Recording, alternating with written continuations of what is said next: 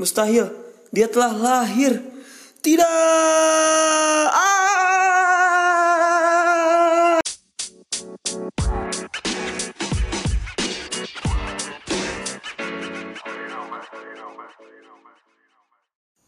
Halo, apa kabar semua? Balik lagi di NCP Newbie Challenger Podcast bersama gua. Gue siapa ya? Ya, ya kalian udah tahu lah ya. Soalnya yang dengerin ya teman-teman gua, teman-teman gua sih rata-rata. Belum belum sampai ke ranah orang lain. Mungkin, mungkin ya gua gak tahu juga. Bersama bersama gua Lutfi Latumiwa. The best human of all time. Mungkin. Eh Oh iya, sebelumnya gue mau ucapin terima kasih banget buat teman-teman yang udah support dengan cara ngedengerin podcast ini. Kalian kalian kalian keren banget. Kalian udah ngeluangin waktu, tenaga. Pakai tenaga gak sih ngedengerin ini? Mungkin pakai tenaga soalnya emang bikin kesel gitu ngedengerinnya kan. Eh, dan ya ya gitu maksudnya gue terima kasih banget kalian udah udah mau support gue dengan cara dengerin podcast gue emang kalian itu emang semangat gue dalam bikin podcast selain uang. Karena uang itu nomor satu. Nggak dong. Bener gue gue benar-benar berterima kasih banget. Berterima kasih banget atas dukungan kalian atau support kalian. Oh ya btw kalian udah pada beli BTS meal belum? Udah pada beli BTS meal yang sama aja kan dalamnya kayak happy meal biasa. Gua gua gak tahu juga. Terus gila sehype itu ya sehype itu si BTS collaboration sama McD gitu kan. Sampai-sampai gue lihat di online shop itu udah ada yang jual uh, bungkus packagingnya itu 600 ribu. Gila 600 ribu buat bungkus doang. Buset buset. Itu cuan banget gitu kan. Itu para army. Ya emang army sih yang ngede yang, yang ngegedein si BTS ini ya. Emang army itu paling solid army paling solid. Walaupun gue nggak gue nggak tahu maksud dari nama army itu apa. Namanya army bawa senjata enggak bawa peluru enggak bawa make up sama light stick iya. Itu mau perang apa mau dandan? Eh atau mau konser? Atau mau eh eh, eh, eh gitulah. Yaudah ya maksudnya nggak usah dipermasalahin lah. Army tetap army. Army cinta BTS kalau gua cinta ya lanjut. Uh, oh iya dari episode pertama yang udah mengudara gua paham betapa pentingnya skrip. Skrip tuh penting coy. Skrip tuh nggak bikin kita kaku justru malah bikin omongan kita jadi terstruktur harusnya. Dan improvisasi itu muncul karena skrip yang ter terstruktur. Gitu sih menurut gua.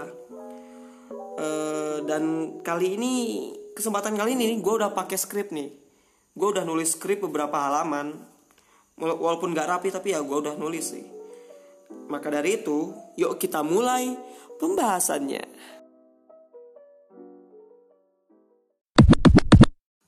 Oke, gua gua mau sharing sedikit sih kisah awal terbentuknya manusia semacam gua nih. Gue itu lahir 19 tahun yang lalu, guys di Sumatera Barat, tepatnya di kota yang sama kayak wapres pertama kita yaitu Dr. Andes Muhammad Hatta. Nama daerahnya Bukit Tinggi. Jadi gue itu putra Minang asli, tapi blasteran Jawa Tengah. Gue ini anak ketiga dari lima bersaudara. Tapi gue terpaksa jadi anak pertama soalnya kedua kakak gue udah meninggal. Jadi gue lahir gue lahir tuh bener-bener diharapin banget guys bener-bener diharapin banget guys itu kayak guys guys udah udah kayak youtuber youtuber gitu guys. Jadi gue itu lahir bener-bener diharapin. Kayaknya sih ya kayaknya. Soalnya yang gue denger dari ibu gue pas ibu gue hamil gue ayah gue tuh sampai nangis dan pingsan karena dapat kabar bahwa ibu gua hamil. Kan karena sebelumnya tuh udah meninggal tuh dua tuh terus kayak dia putus asa tuh terus gua datang gitu terus dia kayak sampai nangis terus pingsan. Itu GR-nya gue aja sih. Gue kira itu adalah tanda keexcitedan dia. Tapi menurut gue ya hal yang lebih logis itu bukan tanda excited itu lebih kayak anjing ini anak pasti ngerepotin kenapa ada sih? Itu itu pasti reaksi bapak gue kayak gitu dalam hati mungkin. Soalnya menurut gue sih gue lebih banyak ngerepotin dia kayaknya ya. Eh, itulah kenapa judul judul judul apa ya judul podcast kali ini tuh itu lahirnya sang Mesias, Mesias, Mesias, Mesias, Mesias, Mesias. Itulah pokoknya. Pokoknya gue itu ibarat sang Mesias itu yang dinanti-nanti sama orang tua gue. Dan apa ya? Dan kehadiran gue tuh kayak jadi juru selamat banget bagi kehampaan keluarga mereka. Anjir, lo gila gitu. Uh, serasa nabi gak sih gue? Gue kalau diibaratin nabi gila. Gue kalau diibaratin nabi seganteng nabi Yusuf gak sih? Mungkin ya. Se seganteng nabi Yusuf. Gue gue nabi Yusuf banget sih. Nabi Yusuf 20 2K21 siap siap bro. Terus terus gue tuh lahir di hari Jumat. Gue lahir di hari Jumat bertepatan sama Isra Mi'raj pada tahun itu. Tuh, bayangin guys. Gua tuh lahir waktu malam Isra Mi'raj. Jadi roh gua itu dianterin langsung dari surga yang suci pakai buruk. Lu tahu buruk? Itu hewan yang cepet bener. Itu gue dianterin pakai itu. Kayaknya. Terus gue itu tumbuh dan berkembang cenderung aneh sih kalau penuturan dari ibu gue. Kayak banyak kisah-kisah aneh dalam pertumbuhan gue. Kayak misalnya dalam kandungan pun ibu gue suka nyemilin kopi. Kopi mentah dia cemilin. Kopi bubuk gitu yang pahit dia cemilin katanya manis. Aneh. Aneh banget. Terus kata dia kalau ada yang lagi praktek ilmu hitam, praktek ilmu hitam yang namanya falasik. Ya hampir-hampir kayak ini sih kayak kuyang. Nah kalau ada yang praktik ilmu itu gue itu selalu nangis. Nggak tahu kenapa. Dan pernah gue itu dikira hampir diculik hampir diculik palasik ya soalnya gue lagi diayunin diayunin depan rumah nih tiba-tiba gue itu jatuh dari ayunan. Tapi gak nangis. Padahal tinggi ayunan itu tuh satu meter dan jarak jatuhnya pun agak jauh dari ayunan. Nah ibu gue bingung dong, ini kenapa sih tiba-tiba jatuh sejauh itu dan gak nangis? Dan dia akhirnya berasumsi dan ngira gue itu mau diculik jin. Dan gue percaya itu. Soalnya kayaknya gue lebih pengen diculik jin waktu itu. Padahal kan kalau bener nih, kalau bener gue diculik, kalau bener gue diculik jin, rasanya gue bakal jadi jin terkeren di sana. Gue bakal buka portal antar jin dan manusia. Gue bakal gue bakal nerapin cryptocurrency di sana. Trading saham. Uh, terus uh, biar biar ini biar biar makmur aja kehidupan di sana. Terus gue mau gue mau buka portal antar jin dan manusia biar bisa hidup rukun dan bertoleransi terus bangsa jin nih yang di tiap hari disuruh apa disuruh nyantet gue ganti. Lu jangan minta tawaran kopi hitam sama rokok kretek. Ganti sekali-kali. Pakai Starbucks yang venti sama ngisepot pakai liquid. Cakep. Sabi nggak tuh? Kalau itu berhasil mungkin gue bakal jadi apa ya bakal jadi jin jin dengan Nobel Award paling banyak. Karena gue berhasil merubah kehidupan di dalam alam jin, alam jin dan gue bakal dipuja di sana. Gila, lu lu merasa keren banget gak sih kalau dipuja orang lain gitu kan? Apalagi ini bukan orang gitu. Gila, gila. Uh, sayangnya sayangnya kejadian itu nggak jadi nggak tahu kenapa gue di, ditaruh balik sama jin tuh kayaknya Kayaknya Jin pas ngambil gua langsung bilang, aduh anak ini terlalu bagus untuk dunia kami. Disimpan lagi atau mungkin? Anjing jelek banget sih sialan. Anak siapa sih? Anjing sama Jin aja dibilang jelek bangsat bangsat. Gua tuh tumbuh selama 2 tahun di Sumatera Barat ya. Gua tuh tumbuh di sana selama 2 tahun. Terus semenjak sering gempa yang ada di Aceh dan tsunami itu seingat gua keluarga gue itu langsung pindah langsung pindah ke Pulau Jawa. Ke Pulau Jawa iya iya benar ke Pulau Jawa sih keseingat gue ya. Terus keluarga gua keluarga inti gua gua ayah gua ibu gua sama adik gua pindah ke Kendal daerah deket-deket Semarang gitu. Di sana gua tumbuh jadi anak pedesaan pedesaan parah gitu pedesaan pol uh, hidupnya tuh kayak bolang. Lu lu tahu serial anak-anak bolang kan? Nah hidup hidupnya tuh kayak gitu. Kayak bener-bener bolang banget gitu main ke sawah berenang di sungai bakar belut nyuri mangga. Tapi yang ngebedain gua nggak main nggak main pakai topi warna merah sama tas warna merah. Itu doang. Soalnya segoblok-gobloknya anak desa sege, se nggak berpendidikannya anak anak desa dia tahu. Dia nggak bakal ngerepotin diri mereka sendiri. Bawa tas main ke sawah. Gila ngapain ke sawah bawa tas?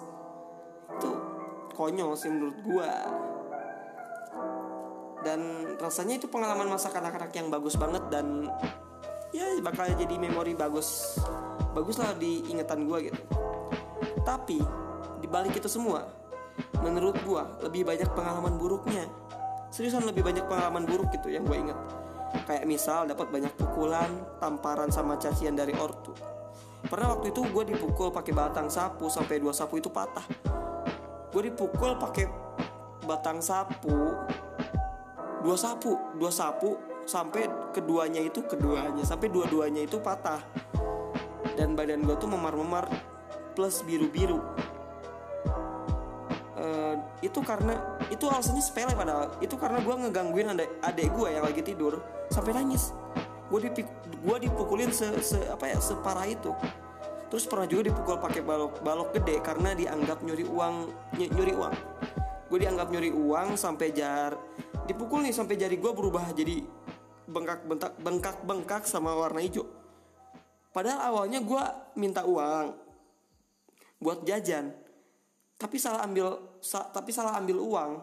Soalnya gue belum ngerti nominal dan nggak sengaja waktu itu ngambil uang 100 ribu.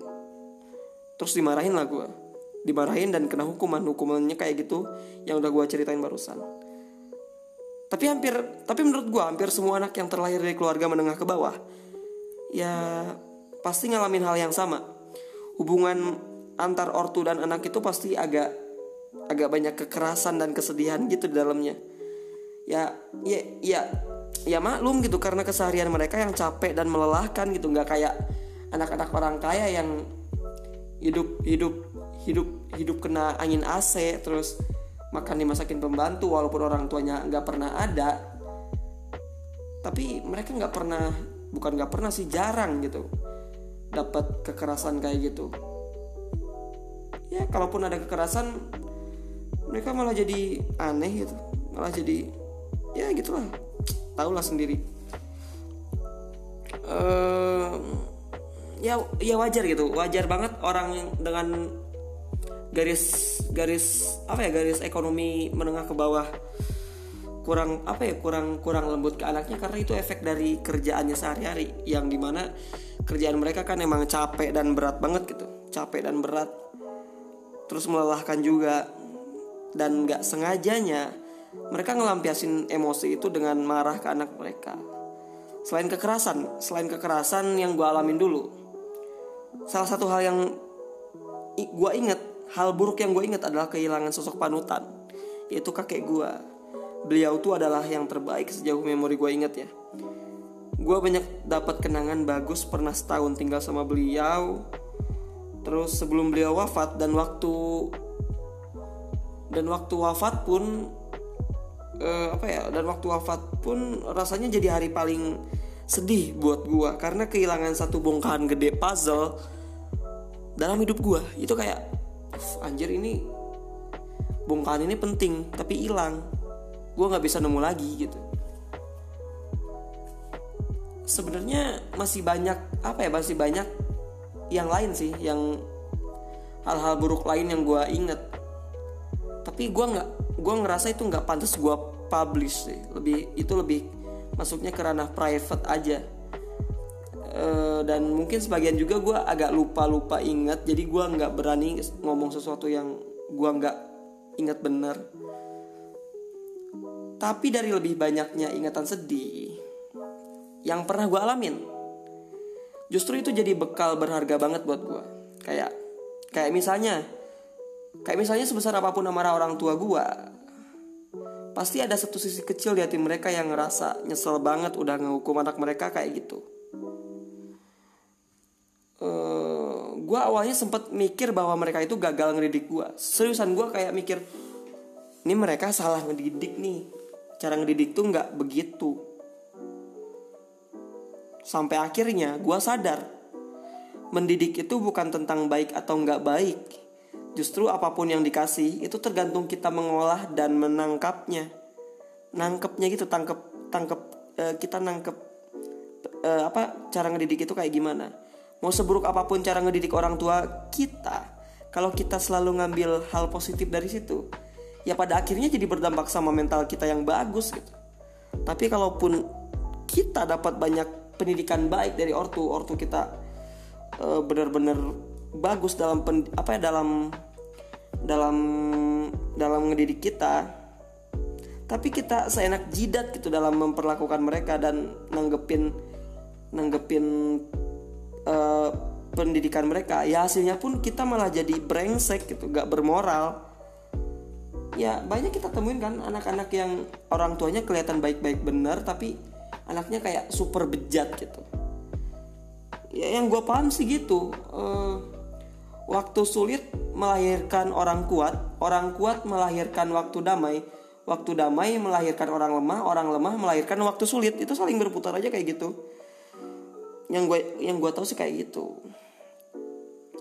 Terus yang harus kita garis bawahi, yang kita harus garis bawahi ini, kasih sayang itu bukan cuma caranya, bukan cuma gimana caranya, bukan cuma caranya gimana, tapi hasil yang berdampak ke depannya tuh kayak apa. Itu sih lebih lebih lebih apa ya yang lebih lebih harus kita tekankan dalam mindset kita. Kasih sayang tuh bukan cuma bukan cuma caranya gimana tapi hasil yang berdampak ke depannya tuh kayak apa. Gila nggak tuh? Anjing gua kenapa ngebahas parenting sih bangsat? Gua masih 19 tahun tai. Ini kayak aneh banget sih uh, terus waktu gue ngerasa kehilangan waktu gue ngerasa kehilangan pun pas ditinggal kakek gue gue sadar akan banyak hal. Gue sadar akan banyak hal. Contohnya kayak kita berguna bagi sekitar kita tolak ukurnya tuh seberapa banyak orang yang ngelayat waktu meninggal. Kalau kita hidup jadi asshole yang ngerugiin mungkin semua orang atau mungkin banyak orang pasti rumah duka kita sepi banget coy. Gak ada yang mau ngelayat. Siapa yang mau ngelayat hole kayak kita? Gak ada. Ya kayak Ibarat ini Ibarat tempat makan. Kalau tempat makan itu enak terus murah Tiba-tiba tutup. Semua orang pasti kaget dan gak rela. Tapi kalau tempat makanannya Gak enak terus mahal Tutup. Ya gak ada yang peduli juga Orang dari awal udah sepi gitu kan. Ya Ya itu mungkin analogi simpelnya kayak gitu yang gue tangkap. Anjir gila udah udah ngomong berapa lama dia udah udah cukup 15 menit gue ngomong. Nggak kerasa gitu kan udah segini lamanya. Mungkin bagusnya udahan aja kali ya. Mungkin ya tadi ada sedikit selingan-selingan sok-sok bijak gitu anjing. Gue nggak mau jadi orang yang sok bijak. Mungkin ya itu anggaplah itu cuman obrolan biasa. Kalian mau ambil terserah. Kalian gak ambil juga terserah. Itu bukan urusan gue itu ada di kalian. Gue sih seneng banget kalau kalian tahan sama ocehan gue ya. Soalnya uh, ya gue gua ngerasa gue pun kayaknya kayak ngelantur ke sana sini doang. Tapi ya ya gitu sih. Gue berharap ini semoga menghibur gitu kan. Gue gue niatnya pengen menghibur kalian aja gitu. Dan semoga kalian suka gitu kalau nggak suka pun nggak apa-apa. Jadi bisa apa ya bisa. Yang nggak suka yang kurang suka sama gue nih gue menerima masukan kok dan saran. Bisa DM ke akun gue @latumiwa underscore 6 kali atau kirim ke email gue l latumiwa36 at gmail.com tinggal kirim aja masukan dan sarannya nanti gue realis realisasikan. Ya mungkin segitu aja kali ya. Lah udahlah. Terima kasih yang udah dengerin salam hangat dan sampai jumpa